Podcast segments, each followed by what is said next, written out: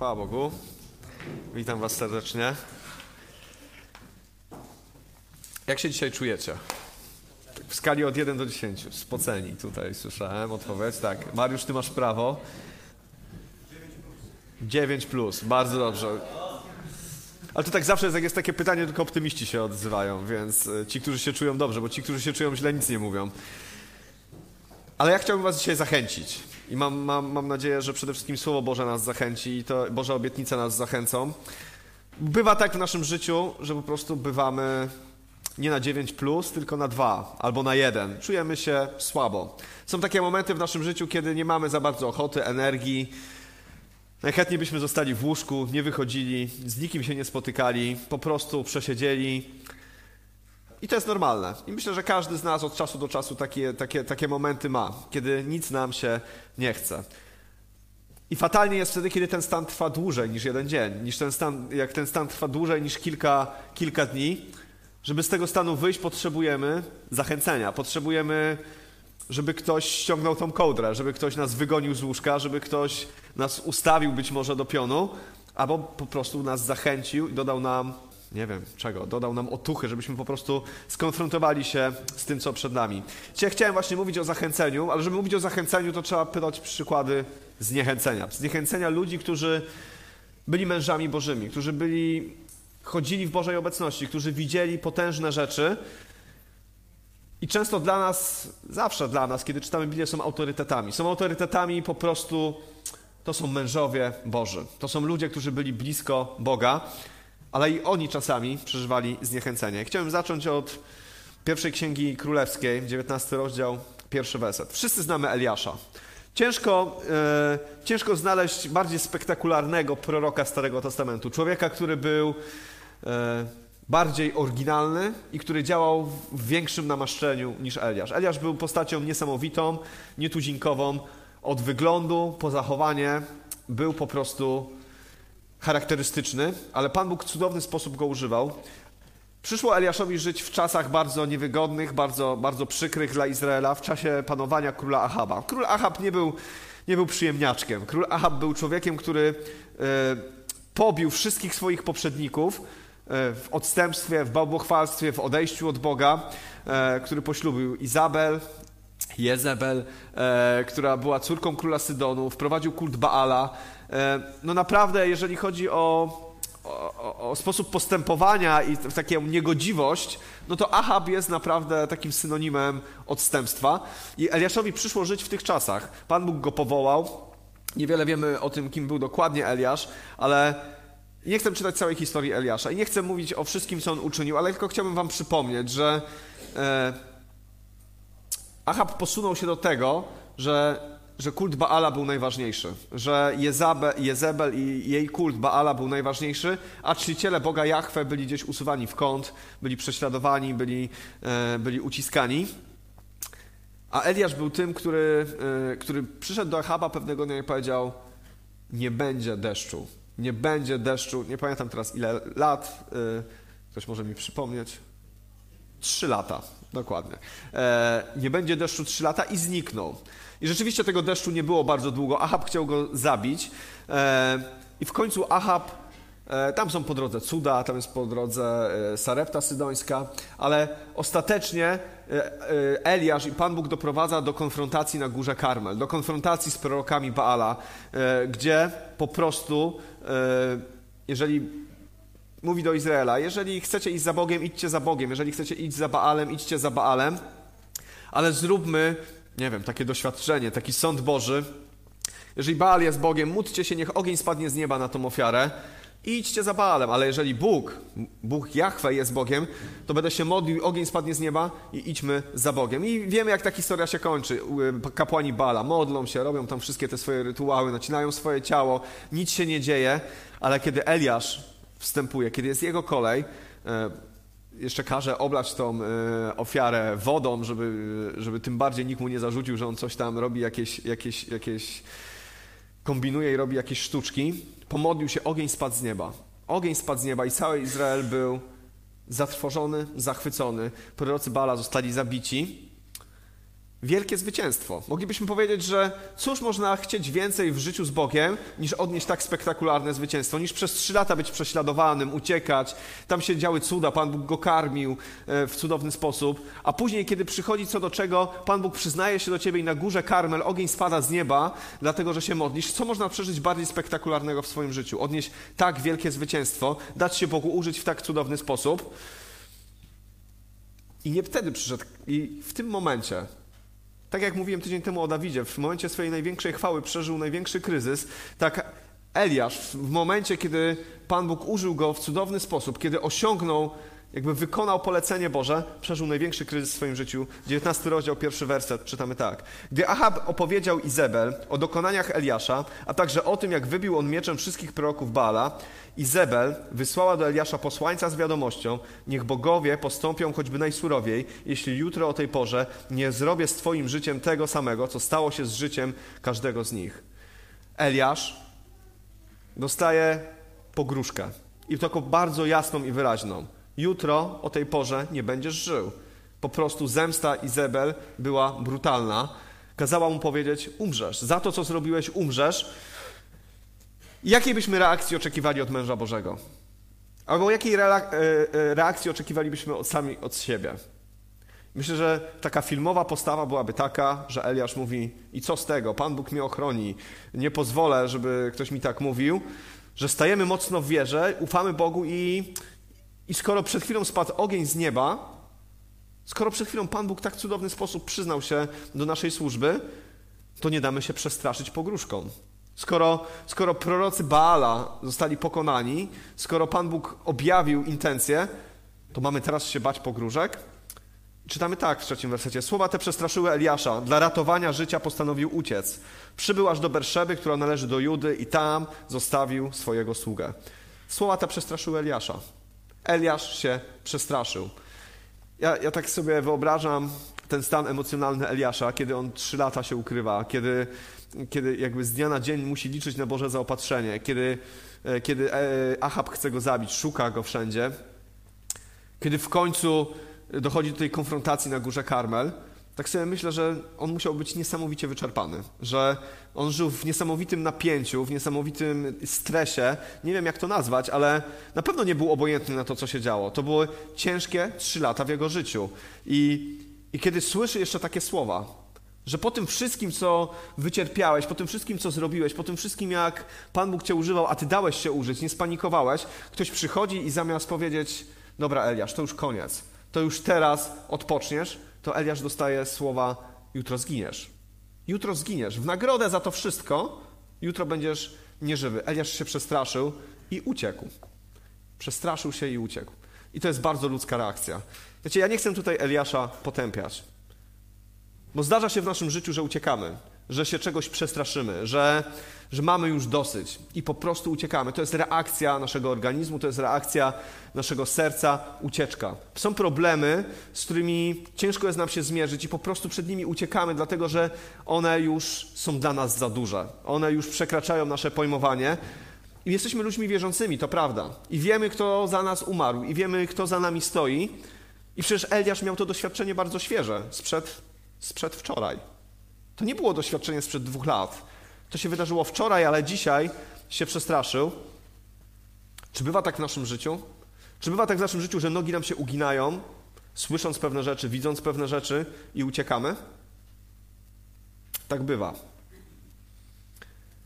Strach jest czymś, czymś bardzo mocnym, bardzo mocną emocją w naszym życiu.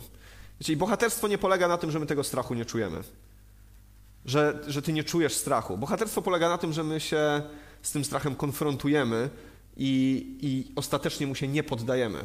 Bo każdy z nas czuje strach, każdy z nas czuje panikę, kiedy dzieją się trudne rzeczy. To jest całkowicie naturalne. Nie powinniśmy mieć do siebie pretensji, że budzą się w nas emocje, które nie są przyjemne, bo to się po prostu dzieje. Eliasz bał się już o swoje życie. Realnie bał się, że umrze. On wiedział, że Izabel to nie jest, e, to nie są żarty że ona jest naprawdę brutalna, że jak ona coś powie, to ona to zrealizuje. I gdzieś w tym wszystkim uciekł. Nie uchwycił się w tym momencie Boga, uciekł. I moglibyśmy powiedzieć, że jak ktoś ucieka, no to słabo. No to my raczej już tak, wiecie, no uciekł. Nie zaufał Bogu, uciekł, spanikował, nie wytrwał. Moglibyśmy go osądzić i powiedzieć, no jak to prorok Pana ucieka? No nie wypada. No komu jak komu, ale nie Eliaszowi. Nie, powinniśmy, nie powinien takich rzeczy robić. I można by było powiedzieć, że Eliasz, myślę, że w, wielu, w oczach wielu ludzi mógłby być skreślony. No jak to? W takim momencie, gdzie trzeba było się skonfrontować z Izabel, gdzie trzeba było stanąć w wierze, ty uciekasz? Bardzo słabo postąpiłeś. I to jest myślenie, nie wiem czy wszystkich ludzi, yy, ale może takie myślenie się pojawić, ale to nie jest myślenie Boże. To nie jest myślenie Boże. Czytajmy dalej, co zrobił Eliasz. Od czwartego wersetu. Sam udał się dalej na pustynię, szedł cały dzień, aż usiadł pod jakimś jałowcem i życzył sobie śmierci. Dosyć już, panie, prosił, zakończ moje życie, bo nie jestem lepszy niż moi ojcowie. Eliasz miał naprawdę dosyć. Eliasz powiedział, życzył sobie śmierci. Życzył sobie śmierci. Wyobrażacie sobie? Mąż Boży. Przedwczoraj ogień z nieba. Życzył sobie śmierci. Był wyczerpany, był zmęczony, był przestraszony. Był człowiekiem, który zrobił coś, myślę, czego nikt z nas nie robił, mam nadzieję. Ale mówi do Boga: zakończ moje życie, bo ja już nie mam siły. Nie jestem lepszy niż moi ojcowie. Jestem przemęczony. Bardzo mocne słowa. Ale podoba mi się w Eliaszu to, że on był szczery. On był szczery przed Bogiem. On naprawdę był wykończony. On naprawdę był przestraszony. On nie maskował tego. Jak czytamy później dalej tą historię, nie będę jej dalej czuł, on się czuł nawet taki w jakimś sensie opuszczony. Powiedział, Panie, ja stałem przed Tobą jako jedyny, wszyscy inni się pochowali, ja stałem przed Tobą takie rzeczy mnie spotykają. Życzył sobie śmierci. Dół, porażka, słabość, nie wiem jakie jeszcze emocje musiały być w Eliaszu, ale naprawdę patrzył na swoje życie i mówił, że, że to jest po prostu dla niego za duże. Czasami tak bywa w naszym życiu, że Boże rzeczy, wielkie Boże rzeczy, które się wydarzyły w naszym życiu rok temu, dwa lata temu, trzy miesiące temu, w zetknięciu z teraźniejszymi problemami gdzieś znikają. I patrzymy na pryzmat swojego życia tylko przez ten ból, który przeżywamy teraz, przez tą chwilę słabości i bólu. I Eliasz miał dokładnie tak samo. On w tym momencie nie pamiętał, co się przed chwilą wydarzyło, ale on wiedział, że czuje się źle, że, że ucieka, że musi się gdzieś błąkać, że Jezebel chce go zabić i czuł się z tym fatalnie i przed Bogiem mówi, zakończ moje życie, bo ja już nie chcę tak dalej funkcjonować. Takie myślenie, że skoro w momencie największej, największego zwycięstwa i przyznania się Boga do jego życia spotykają go taka, spotyka go w jego rozumieniu taka nagroda, to co, co dalej będzie? Skoro dalej ma chodzić za Bogiem, to co dalej będzie? To znowu będzie ciężko, to znowu będzie źle, to znowu będzie musiał przeżywać takie rzeczy. I to jest stan Eliasza. Do czwartego wersatu mamy stan Eliasza, przerażonego, smutnego, przygnębionego, rozczarowanego człowieka, który, który mimo tego, że doświadczał Boga w niesamowity sposób, myślę, że w taki sposób, którego byśmy czasami chcieli doświadczać, to, to był w środku zniszczony. Był zmęczony, był przygnębiony, był rozczarowany na pewno wieloma rzeczami. I takiego, I takiego Eliasza widzi Pan Bóg. Po ludzku widzimy takiego Eliasza, mówimy, no zgliszcza człowieka, no, no wierzący człowiek się tak nie zachowuje. No nie, wierzący człowiek nie mówił, Panie Boże, zabierz moje życie, bo już jestem zmęczony. No tak nie zachowują się ludzie wierzący. Ludzie wierzący stają w wierze, cytują Słowo Boże, walczą, nie poddają się. Ale Pan Bóg zobaczył takiego Eliasza. I czytamy dalej od piątego wersetu. Wkrótce położył się i zasnął pod tym jałowcem. Lecz oto trącił go anioł, wstań, powiedział, posil się. Gdy Eliasz rozejrzał się, zobaczył u wezgłowia upieczony na gorących kamieniach placek oraz dzban z wodą. Zjadł więc, napił się, odwrócił się i zasnął. Ale anioł Pana wrócił, znów go trącił, powiedział, wstań, posil się, bo masz przed sobą jeszcze daleką drogę.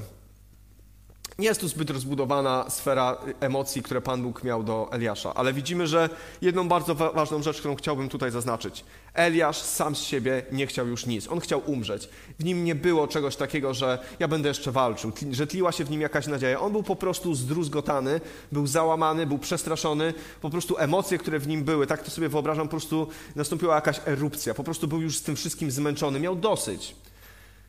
Ale Pan Bóg przychodzi do niego. Pan Bóg przychodzi do Eliasza. Eliasz nie woła już teraz do Boga. Eliasz przeżył z Bogiem wspaniałe rzeczy. Eliasz służył Bogu i Pan Bóg ujął się za Eliaszem. Przyszedł do Eliasza. Pan Bóg wysłał swojego anioła do Eliasza. Chociaż Eliasz nie wołał.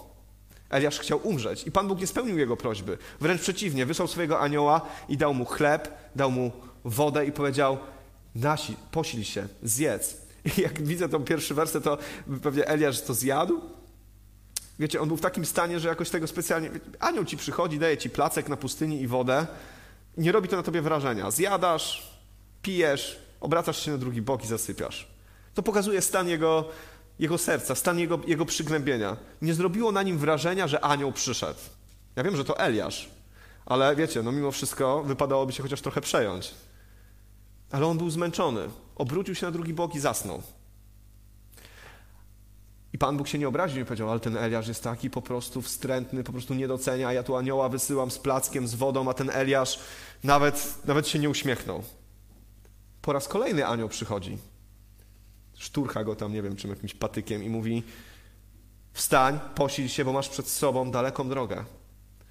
Pan Bóg przyszedł do Eliasza wtedy, kiedy Eliasz nie chciał i dał mu pożywienie, które było mu potrzebne, chociaż Eliasz nie chciał jeść. I powiedział, masz przed sobą jeszcze długą drogę. W tym, w tym krótkim zdaniu jest coś niesamowicie pięknego, biorąc pod uwagę całą, cały, cały kontekst tego wydarzenia. Pan Bóg przychodzi do człowieka wtedy, kiedy jest słaby, kiedy jest zmęczony, kiedy jest zniszczony, kiedy ma dosyć, kiedy jest rozczarowany. Przychodzi i mówi, a teraz się posil, bo jeszcze jest przed tobą daleka droga. Tobie się wydaje, że to jest koniec twojego życia. Tobie się wydaje, że już masz dosyć, że już nie masz siły, ale Pan Bóg przychodzi z pokarmem, Pan Bóg przychodzi z posileniem. Ładnie mówił o tym Mariusz jakiś czas temu. Czym jest ten, czym jest ten chleb i czym jest ta woda? Pan Bóg daje nam pokarm, który jest nam potrzebny do życia. Pan Bóg przychodzi i mówi: Zjedz, to jest moje słowo, to są moje obietnice, to jest, to jest coś, co doda ci sił. Napij się, jestem tutaj. Jest moja obecność, jest moja bliskość. Korzystaj z tego. I on to zrobił, niezbyt chętny, ale zjadł.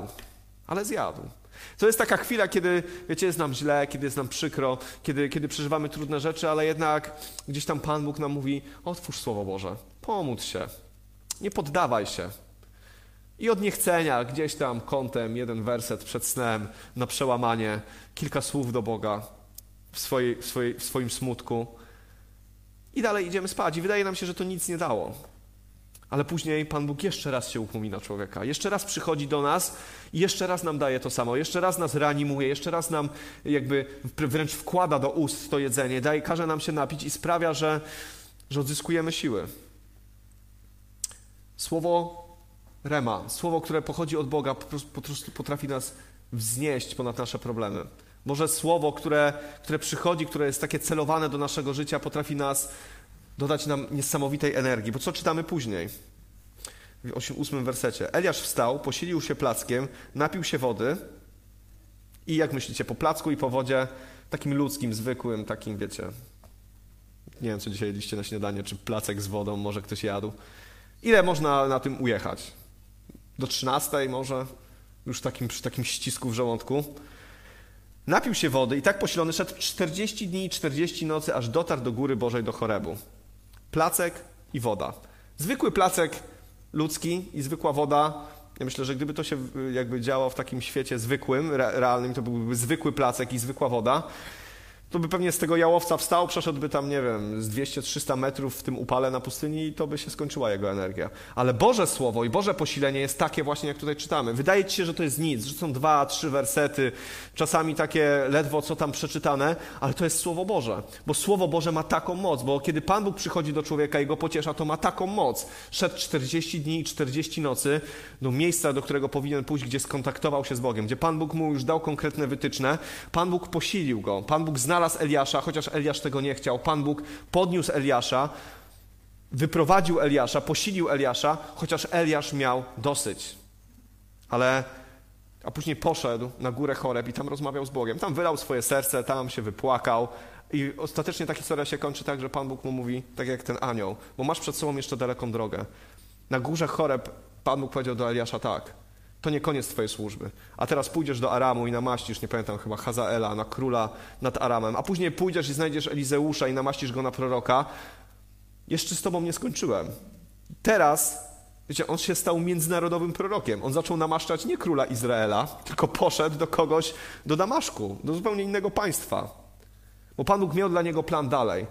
Miał dla niego plan dalej. On go po prostu podźwignął, dotknął go. A kiedy on marudził, powiedział, panie, tylko ja tam się chowałem gdzieś w tych rozpadlinach, a on powiedział, spokojnie, miałem jeszcze 500 ludzi, którzy nie skłonili swojego kolana przed Baalem. Nie dramatyzuj. Po prostu ja cię posilę. Ja cię posilę. Ta historia jest dla mnie bardzo ciekawa, dlatego że oczywiście znając miarę, jakby y, znając skalę, gdzie jesteśmy my, a gdzie Eliasz, ale wydaje mi się, że to jest takie ludzkie. Że to jest takie normalne w życiu każdego człowieka, że przychodzi zniechęcenie, przychodzi dół, przychodzi rozczarowanie, przychodzi jakaś, jakiś paniczny strach. To się dzieje w naszym życiu i to nie jest coś, co przeżywa jedna czy druga osoba. Każdy z nas ma taką historię. Ale człowiek wierzący ma tą niesamowitą obietnicę, że nawet jak ci się nie chce, Pan Bóg o tobie nie zapomina. Pan Bóg nie zapomni o tobie, Pan Bóg nie zapomni o mnie, Pan Bóg się o nas upomina. Czy to nie jest wspaniałe? Wysłał swojego anioła do Eliasza. Do nas przychodzi ze swoim słowem. Duch Święty nas dotyka i wyciąga nas z tego bagna. To jest niesamowita sprawa. A teraz druga historia. Druga historia, która jest związana z nazwą naszego kościoła. Kleofas i jakiś tam uczeń, bliżej nieznany z imienia, wychodzą z Jerozolimy. Jezus zostaje ukrzyżowany. Jezus zostaje ukrzyżowany i oni wracają. Nie wiem, czy na noc, czy po prostu. Dało się świetnie, a skończyło się fatalnie. Zawiedzione nadzieje, rozczarowanie.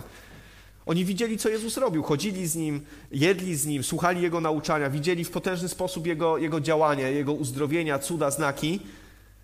I wiecie, i nagle i nagle to się wszystko skończyło.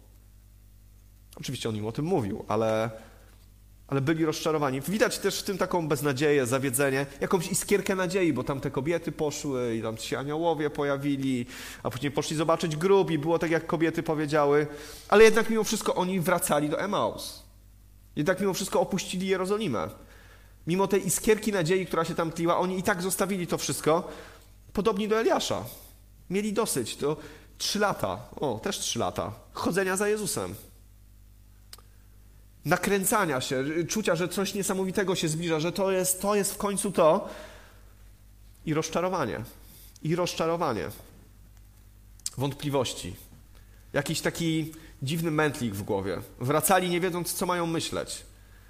Bo pewnie coś im się tam w głowie kojarzyło, że Jezus tam mówił o tym zmartwychwstaniu, że On umrze, E, ale wiecie, wśród tych wszystkich znaków i cudów, pośród tych wszystkich potężnych rzeczy, wskrzeszeń, uzdrowień, to słowa o Jezusa o tym, że ja muszę pójść do Jerozolimy, umrzeć. Ja mam wrażenie, że jak apostołowie jakby byli w, tym, w, w tej akcji, że to się w kółko działo, wiecie, te tłumy przychodziły do Jezusa, to akurat to było może najmniej, najmniej interesująca rzecz, którą Jezus mówił dla nich, że On pójdzie do Jerozolimy, umrze, bo oni tu żyli tu i teraz, tu się działo, tu Mesjasz się objawia, tu wow, w końcu jest akcja, dzieją się niesamowite rzeczy.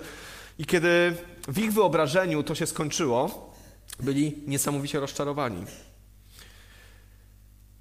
Bywa tak w życiu naszym, i nie chodzi o nasze problemy życiowe, ale bywa tak w naszym życiu, kiedy chodzimy za Bogiem. Szczerze, Szczerze chodzimy za Bogiem. Nie, że jesteśmy jakimiś obłudnikami, którzy od czasu do czasu tam nauczą się jakichś e, chrześcijańskich tekstów, jakichś regułek i, i po prostu będziemy udawać, e, kim my nie jesteśmy. Ale tak szczerze chodzimy za Bogiem, patrzymy, czytamy Słowo Boże, czytamy te wszystkie rzeczy, żyjemy tymi obietnicami. Jesteśmy tacy, wiecie, nakręceni, tacy jesteśmy rozpaleni, chce nam się, pragniemy więcej, idziemy dalej. Ale z powodu tego, że być może pewnych rzeczy nie zrozumieliśmy, które Pan Bóg nam objawiał, albo e, z pewnymi rzeczami, się minęliśmy, następuje taki proces rozczarowania, bo nie wydarzyło się to, co sobie w głowie zaprojektowaliśmy. Nie wydarzyło się to, co my sobie wymyśliliśmy, że tak będzie. Bo oni tutaj powiedzieli, że a my myśleliśmy. My myśleliśmy. Oni te wszystkie wydarzenia z Jezusem, to wszystko, co Jezus mówił, te znaki i cuda, oni sobie ułożyli w swoją taką, taką swoją układankę zrobili, że to będzie teraz tak. I kiedy się okazało, że Pan Bóg to troszeczkę inaczej widzi niż oni, oni byli rozczarowani. Ale oni szczerze szli za Jezusem. Tak jak Eliasz szczerze służył Bogu. Eliasz myślał, przepraszam, wchodzę w jego głowę, nie wiemy co myślał. wiemy, że się przestraszył, ale tak mi się wydaje, że myślał sobie, że no już po tej górze Karmel to w końcu będzie święty spokój. Nie był. Pan Bóg miał inny plan. Apostołowie myśleli, że Jezus w końcu zostanie Mesjaszem, go tam posadzą w Jerozolimie na tronie i ci apostołowie tam zostaną książętami. Myślę, że tak myśleli. A tu nagle Pan Bóg miał inny plan. My żyjemy z Bogiem, czytamy Słowo Boże, układamy sobie pewne rzeczy w naszej głowie, ale Pan Bóg ma inny plan. Pan Bóg ma inny plan. I bywa, że pojawia się w naszym życiu rozczarowanie. Rozczarowanie. Smutek, wątpliwości, pytania. Ludzie wierzący nie powinni mieć wątpliwości, pytań, powinni mocno stać w wierze, nie rozczarowywać się, ale jednak to się zdarza. Ale Jezus mówi do nich tak. Wtedy Jezus rozpoczął. Wiecie, po tym wywodzie, po tym rozczarowaniu, po tym jak Eliasz na górze choreb tam mówi, panie, ja taki jestem, taki sam, taki biedny. O nierozumni, ognuśnego serca, nie skorzy do wiary we wszystko, co powiedzieli prorocy. Czyż Chrystus nie musiał znieść tych cierpień, aby potem wejść do swojej chwały? I poczynając od Mojżesza, przez wszystkich proroków tłumaczył im każdy fragment pisma odnoszący się do niego. Jezus przychodzi do nich i w swoim stylu troszeczkę. Jezus z uczniami tak rozmawiał, wiecie, y, po męsku, o niewierni. Bardzo często jakby kierował, ale myślę, że jak jest taka relacja miłości, takiej naprawdę bliskości, kiedy, kiedy jesteśmy blisko Pana Boga, to nie ma w tym nic złego. Bo On mówi do nas szczerze, bo, bo nas kocha, bo na, o nas dba mówi, On nie rozumnie ognuśnego serca. Nie skorzy do wiary we wszystko, co powiedzieli prorocy. Jezus ich napomina i mówi, tu się nie dzieje nic takiego, o czym byście nie słyszeli. Tu się nie dzieje nic takiego, czego bym wam nie powiedział. Kiedy my przeżywamy problemy w naszym życiu, to bardzo często do mnie Pan Bóg przychodzi i mówi, ale tu się nie dzieje nic takiego, o czym bym cię nie ostrzegł w swoim słowie. I ja nie tracę kontroli nad twoim życiem. To, że się nie realizuje Twój plan, to, że Twoje wizje się nie spełniają, to, że to, jak sobie poukładałeś rzeczywistość, to nie jest moja rzeczywistość, nie bądź rozczarowany nie, nie skorzy do wiary we wszystko, co powiedzieli prorocy. I co Jezus zrobił? Nie obraził się, nie skończył na tym fragmencie, to nie czytamy. Ta historia nie kończy się tak, że Jezus usłyszał ich, powiedział, o, gnuśnego serca niewierni i powiedział, dobra, to na razie idźcie do Emaus, ja idę do Jerozolimy. Nie. Bo tak jak z Eliaszem, Pan Bóg przychodzi do człowieka, bo nas kocha i chce nas podnosić, chce zabierać zniechęcenie z naszego życia. I co zrobił Jezus? Poczynając od Mojżesza przez wszystkich proroków, tłumaczył im każdy fragment Pisma. Pan Bóg się na nie, Jezus się na nich nie obraził, nie powiedział, o wy gnuśnego serca, po prostu nie mogę na was patrzeć. Jesteście tu trzy lata do was mówię, a wy nic, po prostu nie zrozumieliście. Obrażam się, idę do innych. Może ludzie by tak zrobili, ale Pan Bóg po raz kolejny okazuje wielkie miłosierdzie i tłumaczy im wszystko. Oni są nierozumni, oni są gnuśnego serca, ale Pan Jezus cierpliwie im wszystko tłumaczy. W ten sposób zbliżyli się do wsi, do której zdążali, a on sprawiał wrażenie, jakby chciał iść dalej. Wymogli jednak na nim, a to cudownie, tu Jezus zagrał. Tu Jezus po prostu zrobił taką małą scenę. Udawał, że chce iść dalej. Wymogli jednak na nim, zostań z nami, gdyż zbliża się wieczór i dzień chyli się ku końcowi.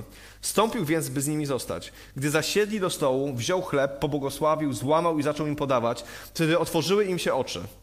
Poznali go, lecz on znikł. A oni powiedzieli, czyż nasze serce nie płonęło, gdy mówił do nas w drodze i wyjaśniał znaczenie pism.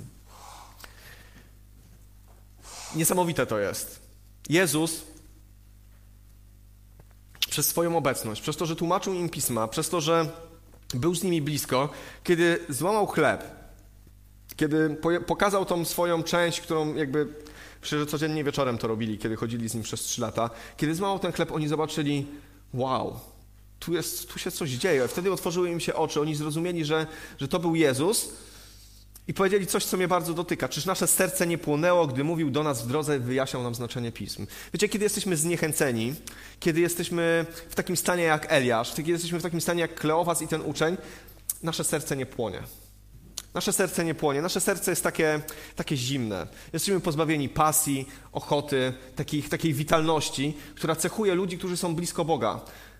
I oni powiedzieli, ale nasze serce płonęło, kiedy On do nas mówił. Oni poczuli te, to ciepło w sobie, ten żar, kiedy, kiedy w końcu jakby poczuli, jakby rozpoznali Jezusa po tym, że On z nimi rozmawiał. Poczuli Jego bliskość wtedy, kiedy tłumaczył im Pisma, wtedy, kiedy do nich mówił. Oni znowu poczuli to ciepło w sobie, znowu poczuli tą pasję, znowu poczuli to, tą pewnie ekscytację, którą mieli przez trzy lata. I co oni zrobili? Jeszcze tej samej godziny wstali i wrócili do Jerozolimy. Tam zastali 11 zgromadzonych wraz z nimi. Piękne to jest. To jest niesamowicie piękne, dlatego że oni cały dzień szli do Emaus, dyskutowali, byli marudni, byli tacy, wiecie, trochę tam stękali, było im źle. Ale kiedy spotkali Jezusa, kiedy znowu poczuli ten smak, kiedy znowu poczuli to, tą Bożą obecność, to w tym samym momencie wstali. i poszli. Znowu ileś tam kilometrów, znowu na piechotę, żeby spotkać się, żeby podzielić się z tym, co przeżyli. Pan Bóg ich znalazł. Oni go nie szukali. Jezus tak powiedział w pewnym momencie. Nie szukali mnie, a dałem im się znaleźć. Pan Bóg przychodzi do tych, którzy są zniechęceni. Wiecie, my czasami chcemy, żeby ludzie zniechęceni powiedzieli: ogarnij się, zrób coś z sobą, chcemy ich wstrząsnąć, nie wiem, weź się do roboty. Owszem, tylko że my nie mamy takich mocy, jak Pan Bóg ma. My nie mamy takich zdolności, jak Pan Bóg ma, ale Pan Bóg się na nas nie obraża. Pan Bóg nie obraża się na Ciebie i Pan Bóg nie obraża się na mnie. Jeżeli przeżywamy trudny moment, jeżeli sobie z czymś nie radzimy, jeżeli przeżywamy rzeczy, które są dla nas zbyt ciężkie i nawet uciekamy, to Pan Bóg jest pełen miłości i łaski. Pan Bóg przychodzi do człowieka i go wyciąga. Ma swoje sposoby. Na Eliasza miał swój sposób. Wysłał anioła. Jezus przyszedł do Kleofasa i, do, i tłumaczył im pisma i, i w tych dwóch przypadkach jest jedno i to samo. Oni znowu poczuli w sobie coś niesamowitego. Eliasz szedł 40 dni i 40 nocy, bo Słowo Boże, bo Boża obecność, bo Boży pokarm go wzmocnił, a Kleofas i ten drugi uczeń, kiedy rozmawiali z Jezusem, poczuli, że ich serce płonie. Pan Bóg ma tylko taką moc, żeby nas rozpalić na nowo, żeby znowu poczuć ten smak, ten zapach, żeby znowu, żeby znowu czuć to pragnienie i tą pasję. Tylko Pan Bóg może w to w nas wykrzesać.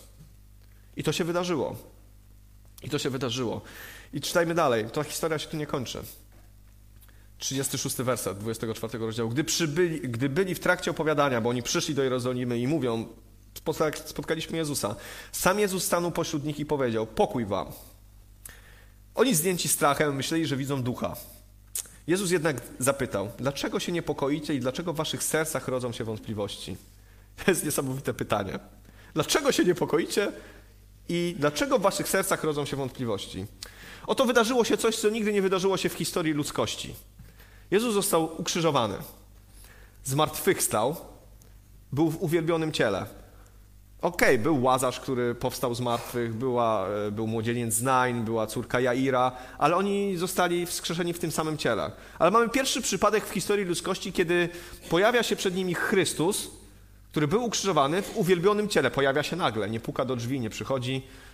Pojawia się nagle. Oni się boją, bo myślą, że zobaczyli ducha. Nie dziwię się. Myślę, że większość z nas by się przestraszyła.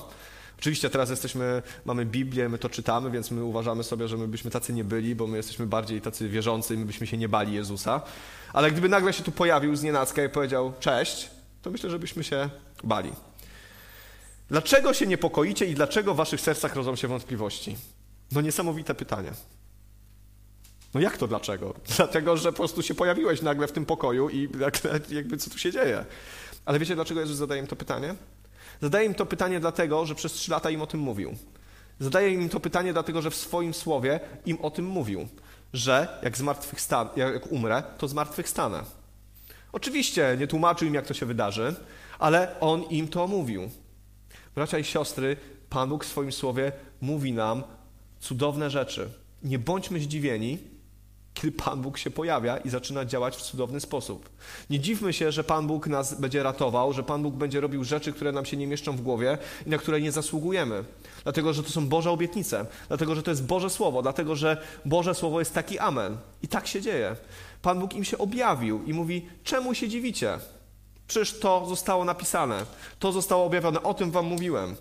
I powiedział tak, Następnie powiedział: To są moje słowa, które wypowiedziałem do Was, będąc jeszcze z Wami, że musi się wypełnić wszystko, co zostało o mnie napisane w, w prawie Mojżesza, u proroków i w psalmach.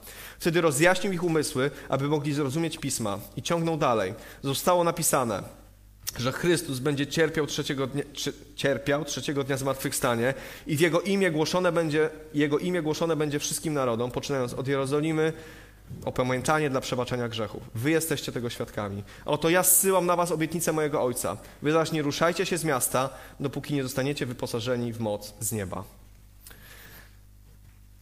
Spotkanie z Jezusem. Jest dół, jest przygnębienie, jest smutek. Eliasz, Kleofas i uczeń. Jest stan człowieka Jest stan człowieka, po prostu człowieka. No, tacy jesteśmy. Bywa, że damy się ponieść emocjom.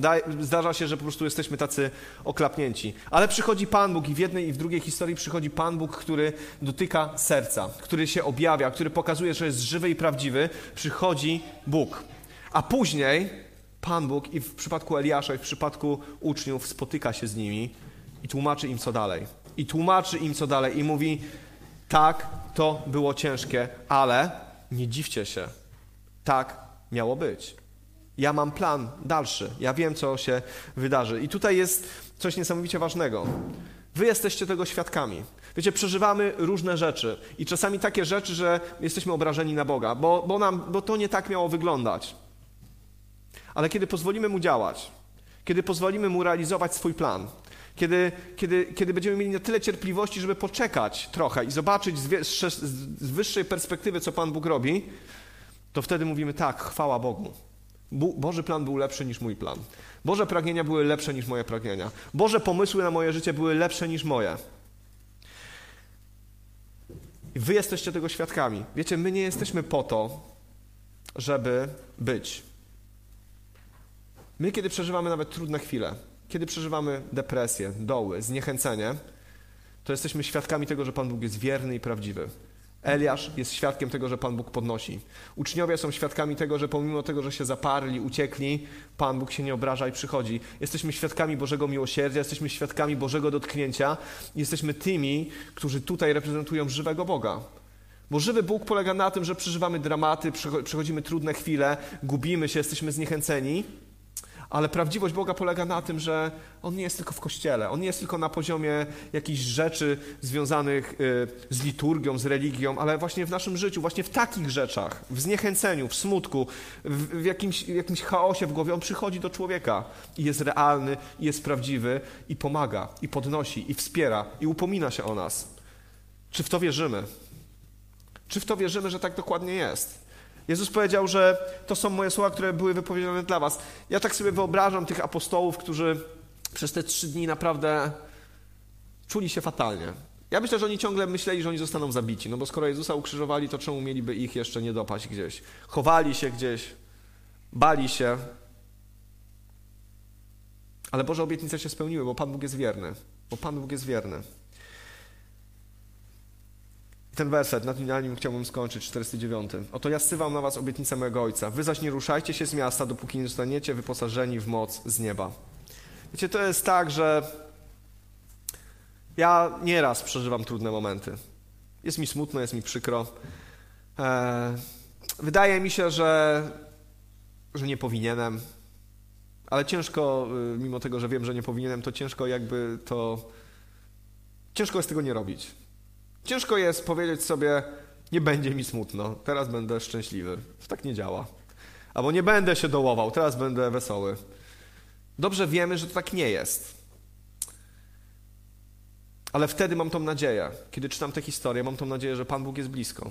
Że pomimo mojego zniechęcenia, pomimo tego, że nie mam czasami siły otworzyć swoich ust, i przyznam się szczerze, naprawdę, może nie powinienem, ale czasami nie mam ochoty otworzyć Biblii bo jestem zmęczony, smutny, nie wiem, coś mnie dołuje, to wiem, że Pan Bóg jest wierny i dobry. I ja wiem, że On przychodzi w odpowiednim momencie, że On mnie podnosi. Oczywiście, nie chcę mówić, że teraz nic nie róbmy, czekajmy, aż anioł z nieba przyjdzie i nas tutaj zachęci. Wiele zależy od nas. Czy będziemy z tym walczyć? Czy, czy postanowimy jednak stanąć i się przeciwstawić? Ale wiem, że są takie momenty, że, które nas gniotą. Ale to jest dobra nowina, ja to uwielbiam. Pan Bóg kocha Ciebie i kocha mnie. On nas nie zostawi na pastwę naszych emocji. Jeżeli żyjemy z Nim, jeżeli Go kochamy, jeżeli nam na Nim zależy i nawet mamy trudniejszy moment, Pan Bóg Cię nie zostawi, Pan Bóg Cię nie opuści, Pan Bóg przyjdzie do Ciebie, Pan Bóg Cię wyjaśni. Być może później Cię trochę złaja, i powie ci o gnuśnego serca, o nierozumny, ale jednak przyjdzie i ci wytłumaczy, przyjdzie i cię podniesie i wyprowadzi cię z tego dołu i z tego zniechęcenia, bo Pan Bóg przychodzi do nas i mówi: To nie jest koniec swojego życia, jest więcej, idź dalej. Tak jak powiedział do Eliasza i tak powiedział do apostołów: Okej, okay, było smutno, to były bardzo przykre trzy dni, ale teraz będziecie mi świadkami w Jerozolimie, w Samarii i aż po krańce ziemi. Bo teraz mam dla was misję. Czasami nam się wydaje, kiedy przychodzimy trudny moment, że to już jest koniec. Że to już jest koniec, że już nic dobrego nas w życiu nie spotka. To jest już koniec. Ale wtedy Pan Bóg przychodzi bardzo często nas i mówi: To nie jest koniec. Mam dla ciebie coś dalej. Poprowadzę cię dalej. Tu jest napisane tak. Ale nie opuszczajcie, nie wychodźcie z miasta. Nie róbcie pewnych rzeczy, dopóki nie zostaniecie obleczeni w moc z wysokości. W moc z wysokości. My, kiedy chcemy służyć Panu Bogu, musimy być wyposażeni w moc z wysokości.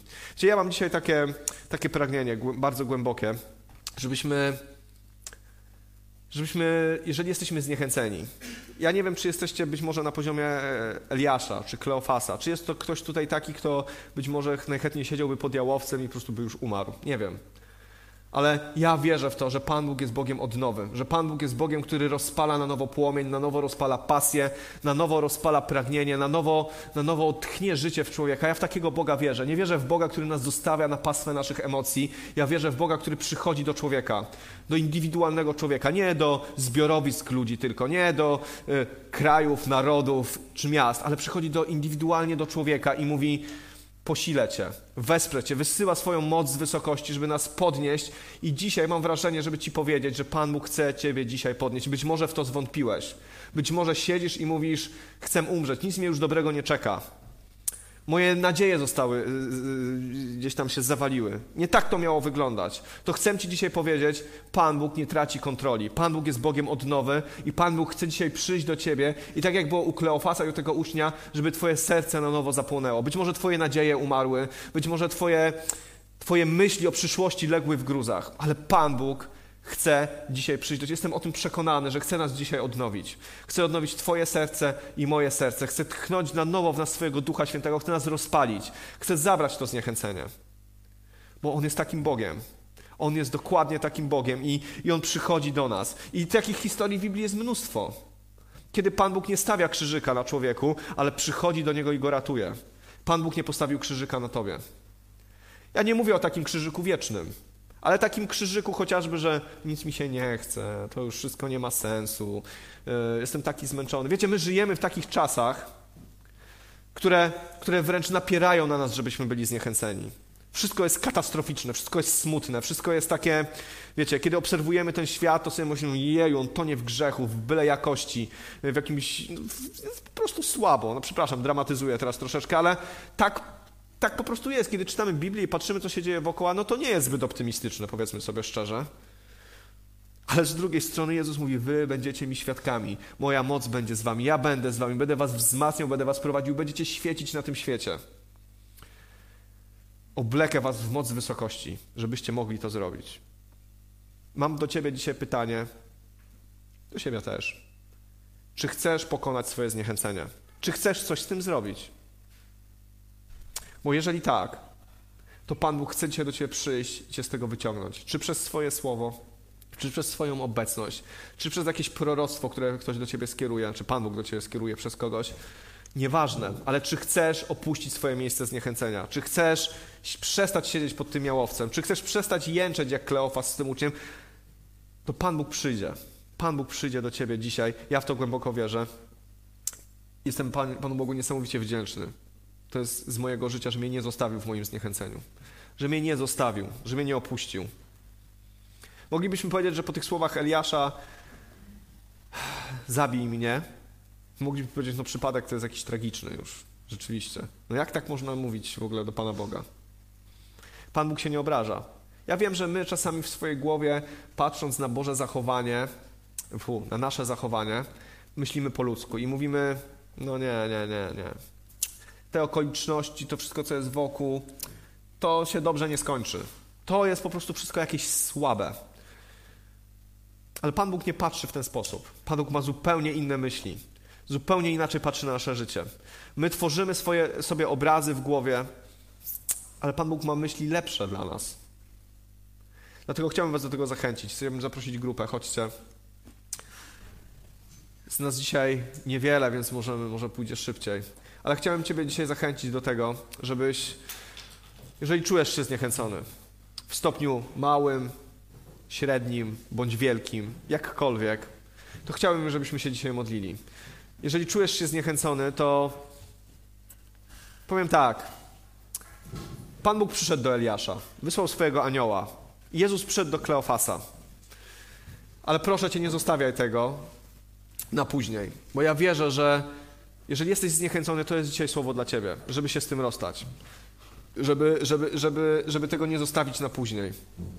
Dzisiaj masz szansę spotkać się z Bogiem, bo On dzisiaj kieruje do ciebie słowo i mówi, że nie musisz w tym trwać. Nie musisz tak żyć i funkcjonować. Jeżeli masz to pragnienie, czujesz zniechęcenie w swoim życiu w sferze duchowej, rodzinnej, jakiejkolwiek, coś cię przygniata, coś cię męczy i być może jesteś rozkojarzony, smutny i nie widzisz większej nadziei, to chcę, żebyśmy się dzisiaj modlili. Przyjdź tutaj, będziemy się o Ciebie modlić, włożymy na Ciebie ręce, pobłogosławimy, a Pan Bóg będzie Cię pocieszał, Pan Bóg będzie Cię wzmacniał, Pan Bóg da Ci ten placek i ten chleb i będziesz miał siłę pobiec. Pan Bóg na nowo rozpali Twoje serce i znowu poczujesz to, czego być może nie czułeś już od miesięcy, a być może od lat. Znowu poczujesz to, ten płomień w sercu, bo to jest Boże działanie, ja w to wierzę. Dlatego powstańmy, pomódlmy się chwilę. Jeżeli masz to pragnienie, żeby się o Ciebie pomodlić, nie patrz się o tym, że ktoś Cię oceni, powie, o, ale on taki zniechęcony, potrzebuje modlitwy. Nie myśl o tym. Pan Bóg ma dla nas dobre rzeczy. Jeżeli potrzebujesz się Bożego dotknięcia, nie krępuj się, wyjdź tutaj między chłopakami, między kamerami, będziemy się o Ciebie modlić w czasie tej pieśni. Panie, dziękujemy Ci za to, że Ty jesteś tym, który, który przychodzi do człowieka. Ja Ci dziękuję za to, że Ty nas nie odrzucasz. Dziękuję Ci, że umarłeś na krzyżu za nas, Panie, że Ty przyszedłeś, Panie, żeby dać nam życie. Dziękuję Ci za to, że przebaczasz nam nasze grzechy za każdym razem, jak do Ciebie przychodzimy. Dziękuję Ci za to, że widzisz nasze słabości i widzisz, Panie, że jesteśmy ludźmi, Panie, którzy czasami mają problemy, Panie, którzy się zniechęcają, Panie, którzy nie radzą sobie z rzeczywistością, Panie. Ja wiem, że Ty nas znasz, Panie, że nie musimy udawać, Panie, kogoś, kim nie jesteśmy. I proszę Cię teraz, Duchu Święty, żebyś przyszedł do naszych serc. Żebyś przyszedł do naszych serc, żebyś nas dotykał, Panie. Proszę Cię o każdą osobę na tym miejscu, Panie, która jest zniechęcona, Panie, która jest smutna, która być może straciła nadzieję, Panie, która gdzieś, gdzieś legło, Panie, jakieś wyobrażenie Boże i jest zniechęcona, nawet być może obrażona na Ciebie, to proszę Cię teraz, Duchu Święty, żebyś Ty przyszedł, Panie. Żebyś teraz przyszedł, Panie, z tym chlebem, Panie, i z tą wodą. Żebyś Ty na nowo rozpalił serce. Żebyś Ty na nowo dotknął serca, Panie, żeby ten ogień zapłonął, żeby ta pasja się znowu pojawiła, Panie, żeby, żeby ta tęsknota się pojawiła, bo wierzę, Panie, że my jesteśmy powołani do tego, żeby świecić, żeby być świadectwem na tym świecie. I proszę Cię o to, Panie. Ty dajesz nam wszystko, co jest potrzebne. Proszę Cię, dotykaj nas, Panie. Dotykaj Dotykaj nas, Duchu Święty. Prosimy Cię o Twoje działanie, Panie. Prosimy Cię o Twoje działanie w imieniu Jezusa Chrystusa.